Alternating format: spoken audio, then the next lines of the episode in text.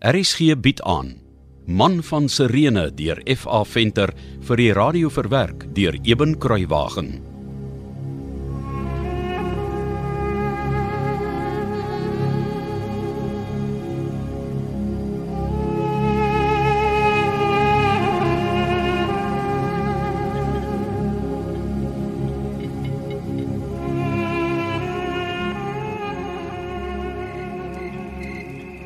Het het jy die waarheid ontdek, Nimrod?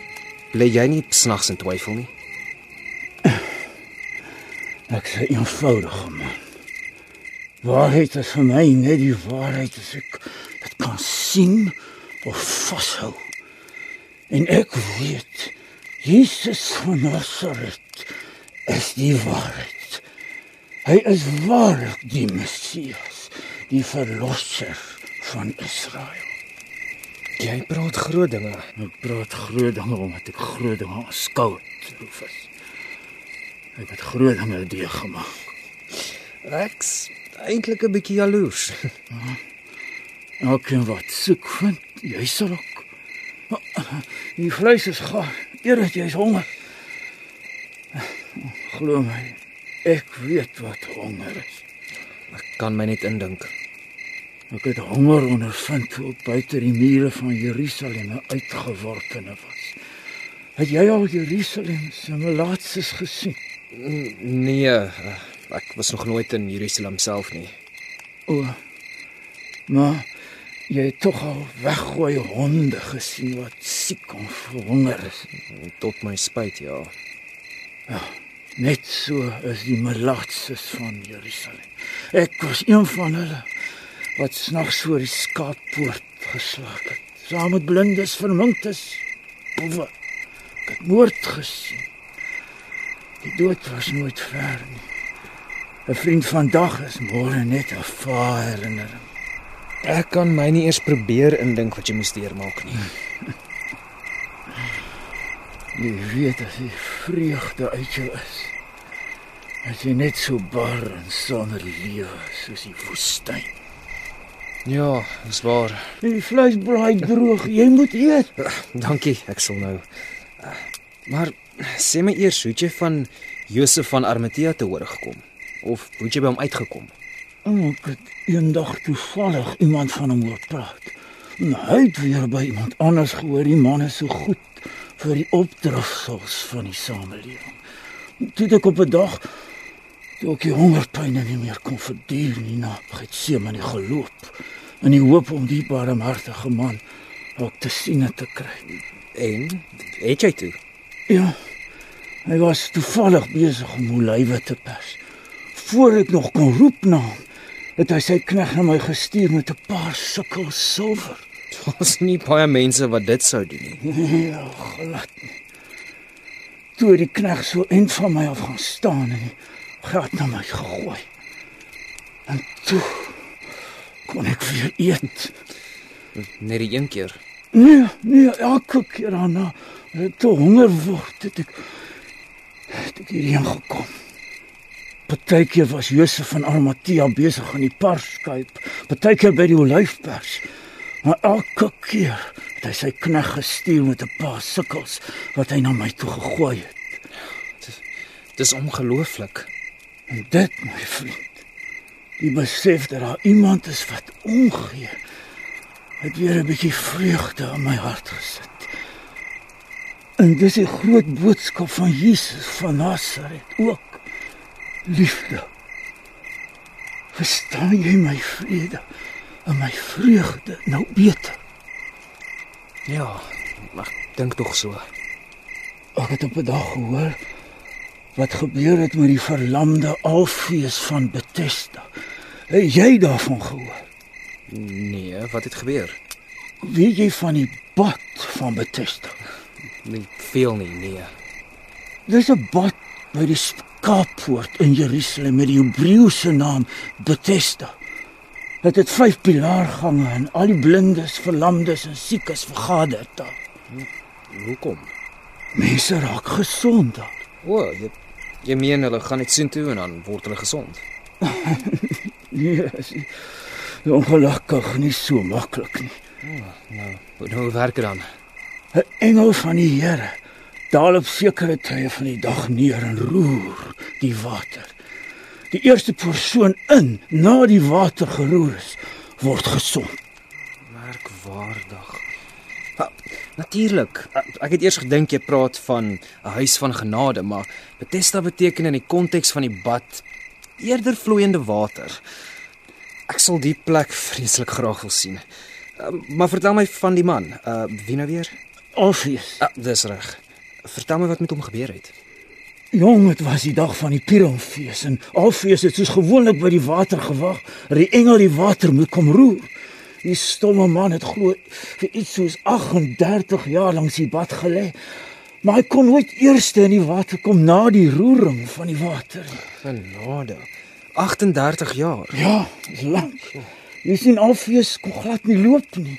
Hy was heeltemal verlam. En daardie Sabbatdag het Jesus van Nasaret hom genees. Wat jy jy meen die man kan nou loop? Alfees doen veel meer as loop vandag. Hy dryf 'n karavaan tussen Jerusalem en Caesarea. En Jesus van Nasaret het hom op die Sabbat genees. Nie sonder protes van die skrifgeleerdes en fariseërs nie hoor. Ja, dit wil ek glo. My eie vader sou ook erg gefrons het daaroor. Ja, so ja. In ieder geval, ek hoor Jesus het Alfees glo gevra of hy gesond wil word. En Alfees sê toe, maar hy het niemand wat hom betyds in die water kan sit nie. Daar's altyd iemand voor hom in die in die bad. En al wat Jesus te glo vir hom gesê het was: "Staan op, tel jou goed op en loop." En toe toe loop hy. Ja, toe loop hy. en dis wat my laat besluit het om ook na Jesus te gaan. Toe het ek een nag koers gekry in Galilea toe geloop. Ja, hy maar het jy die hele end geloop? Ja, hoe kon ek anders? Ek, ek het geen ryding gehad nie. en Hulle het my van die karavaan af weggejaag. Voel tog. Jy het seker dae en dae mekaar moes loop of hoe. Ja. Ek kan nie meer mooi onthou hoeveel dae ek geloop het nie. Want ek was swak van die siekte. En natuurlik was ek baie skaam oor hoe ek gelyk het. Jy weet mos, my laatses mag nie kom op plekke waar daar mense is nie. Presies. Ek het 'n wit doek om my kop gebind en het elke keer by 'n put of 'n fontein gewas as daar niemand was nie. En waar jy Jesus van Nasaret toe gekry? Oh, dis die ander ding. Ek kon nie loop en mense vra of hulle weet waar Jesus van Nasaret is nie. Ek sou die wet oortree en o, oh, jy weet wat se straf is daar vir iemand wat die wet oortree. Ja. Maar deur die genade het ek hom eindelik heel toevallig dis kan Kapernaum teen 'n hang onder seder gekry. En, en was hy alleen? Nee, nee, sy disippels was by hom. Nou, wat het hulle onder die boom gemaak? Net gerus. O. En toe? Dit was 'n mooi dag. Daar was veldblomme. Want dit is die jaar van die groot reëns. Ja, maar maar hoe het jy geweet dit is Jesus van Nasaret? Ek het net geweet. Jy kan nie help nie.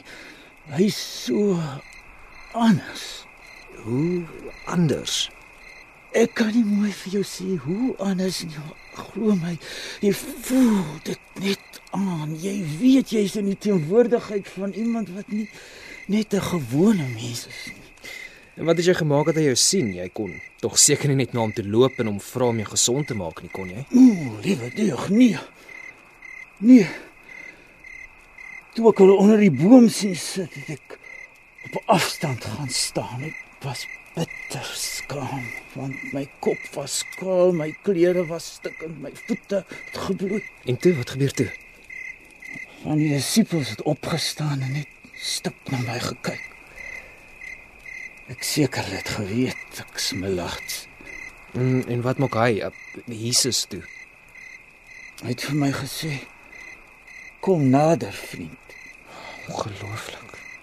Hoe het sy stem geklink? Sag, maar duidelik. Eh, Maar, maar nie so 'n gewone mens se stem. En toe gaan jy nader. O ja. Maar toe gaan staan ek so eendag van hom af en ek sê ek ek is laats. Ek sien toe dadelik hoe die disippels met mekaar begin praat en met 'n arms bedui as hulle protesteer. En toe Jesus hoor hy is melaats, wat maak hy toe? Hy het na my toe gestap tot by my. Asof ek glad nie melaats is nie. Het hy gelyk? Vreemd genoeg nes 'n karavaandrywer of 'n herder, sommer met 'n grove loskleed en 'n kapmantel aan. Op 'n vreemde manier is ek verbaas nie. En toe? Toe, toe vra hy my waar ek vandaan kom en ek sê vir hom van Jerusalem af. Maar dit het vir my gevoel hy weet reeds ek kom van Jerusalem af. En toe vra hy hoekom ek na hom toe gekom het. En wat sê jy vir hom? Kom by Safikerie. Ek het voor hom op my knie geval en aan sy voete geraak. En toe? Toe sê ek vir hom vergewe my. Ek het U aangeraak en ek mag nie wat ek is melaat. Maar Here, as U wil kan U my gesond maak. Wens ek was daar.